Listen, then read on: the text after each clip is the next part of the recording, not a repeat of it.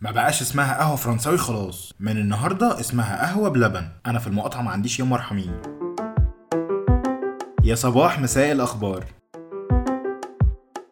لسه حملات الغضب على فرنسا شغالة على ال social media والموضوع اتطور الكام ساعة اللي فاتوا ووصل لمرحلة السخرية. touch المصريين لازم يبان. المهم بقى إن ظهرت نداءات كمان بمقاطعة المنتجات الفرنسية. آه اللي هي أغلى من حياتي دي. طب يا جماعة أنتوا قاطعوا بقى المنتجات الفرنسية أنا مش معايا فلوس أشتريها أصلا. ربنا معاكم. أنا بس هندد بالموضوع يعني بأن هحرق القلم الفرنساوي اللي معايا. ماله يعني شنايدر أثر معايا في إيه؟ بس شكل ماكرون بقى جاب ورا علشان إحنا جامدين فشخ ومؤثرين قوي قوي يعني. وكمان ايدينا طايلة. آه كتب تويتة بالعربي كده قال فيها لا شيء يجعلنا نتراجع ابدا. آه يعني بالبلدي كده أعلى ما فخيلكوا اركبوه ده طلع مجرم. آه يا عيل اللي متجوز المدرسة بتاعتك أنت يا إيمي يا ابن في نفس السكة كده كان بيتعرض امبارح على منصة شاهد أول حلقة من برنامج أحمد غندور الجديد متحف الدحيح واللي قلبت الدنيا على تويتر وفيسبوك والأوساط ال social ميديوية الشقيقة. بالصدفة الدحيح كان بيتكلم في أول حلقة ليه عن نابليون بونابرت اللي بيعتبر أشهر إمبراطور فرنسي عرفوه المصريين. نابليون بونابرت إمبراطور فرنسا؟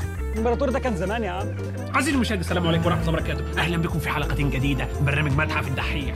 طب فوقك بقى من ده. امبارح الناس كانت مهتمة قوي بموضوع سمكة القرش اللي هاجمت ثلاث أشخاص في محمية راس محمد في جنوب سيناء. والبيئة بقى بتحقق في الموضوع ده علشان يعرفوا السبب إيه. أصل المفروض إن أسماك القرش اللي عندنا في مصر مش هجومية أصلا. فهل بقى البشر هم السبب ولا سمكة القرش قرفت مننا ولا إيه اللي حصل؟ ده بقى اللي لسه هنعرفه يعني. وبالصدفة بقى وأنا بتفسح في دهب كده سمعت عن الحوار وطرت بقى على راس محمد علشان أشوف إيه اللي بيحصل هناك. لقيت لك راجل غريب شوية كده ماشي على البحر وواضح إنه خبير قروش يعني. استنى كده هكلمه وأشوف إيه اللي بيحصل. صباح الفل يا ريس. صباح الفل يا جماعة أنا جاي أكلمكم النهارده عن القروش اللي عضوا ثلاث بني ادمين ومن خبرتي الطويلة صراحة في الشغلانه دي اللي تعدي 25 دقيقة من ساعة ما ندهوا عليا أحب أقول لكم إيه اللي حصل.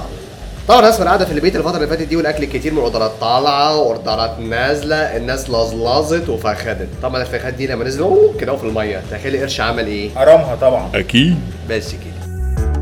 ولحد ما نعرف مين السبب نركز بقى في اكتشاف نوع سجاير أحمد السقا. من ساعة ما انتشرت صور الحكمدار الجدعنة أحمد السقا من الجونة وظهر في جيبه علبة سجاير مقلوبة كده والناس فضولها واخدها بقى ومنونوه معاهم يعرفوا إيه نوع السجاير دي. في بقى اللي عمال يقول لك دي ميريت اصفر لا دي ميريت ابيض واللي يقول لك لا يا عم دي كليوباترا دي. بس غريبة قوي والله يعني إن السقا يطلع بيشرب كوكو ضعيف صح؟ ولا دي جدعنة منه بقى إن هو بيدعم الصناعة المصرية وكده يعني؟ ولا جدعنة إن واخد كليوباترا الجونة أصلا؟ طب ما تخليك جدع أنت كمان وخمن نوع السجاير اللي بيشربها السقا معانا بقى.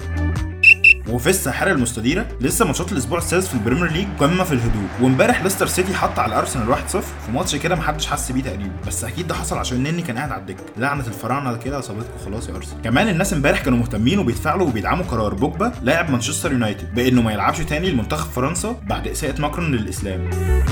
وعلشان إحنا من وقت للتاني بقى بنحب نشحن سلامنا النفسي فقررنا إن مسلسل الأسبوع ده يكون عربي وكمان يكون بيركز على مشكلة التنمر وأزمة تقبل الآخر اللي هي محور مشاكل مجتمعنا دلوقتي أصلا. وكمان المسلسل ده شاغل اهتمام ناس كتير قوي الأيام دي. فخلونا نتابع بقى الحكاية الجديدة لازم أعيش من مسلسل إلا أنا. الحكاية مليانة تفاصيل كتير قوي من حياتنا اليومية وحاجات كده بقى بتحرك المشاعر وبتظبط ترمومتر إنسانيتنا. تابعوه كل يوم من السبت الأربع الساعة 8 الا ربع على DMC والساعة 11 على DMC دراما. آه استنوا رايحين على فين؟ أنا ما قلتش السلام. لسه عرض ال 20 جنيه رصيد من وصله لاي شبكة شغال. فادخلوا كل يوم على متصفح وصله وخليكم واصلين أطول وقت ممكن علشان تقدروا تكونوا بقى من الكسبانين وتابعوا ال social media بتاعتنا علشان تعرفوا عروض كل يوم. تمام؟ يلا سلام. خليك واصل الواصلين جامدين. like و share وخليك على وصلة browser واكسب عروض وهدايا أكتر.